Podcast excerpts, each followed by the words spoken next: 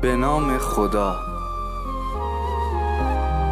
شخصی به قصد تحقیر کردن مورچه ای را با انگشت فشار داد.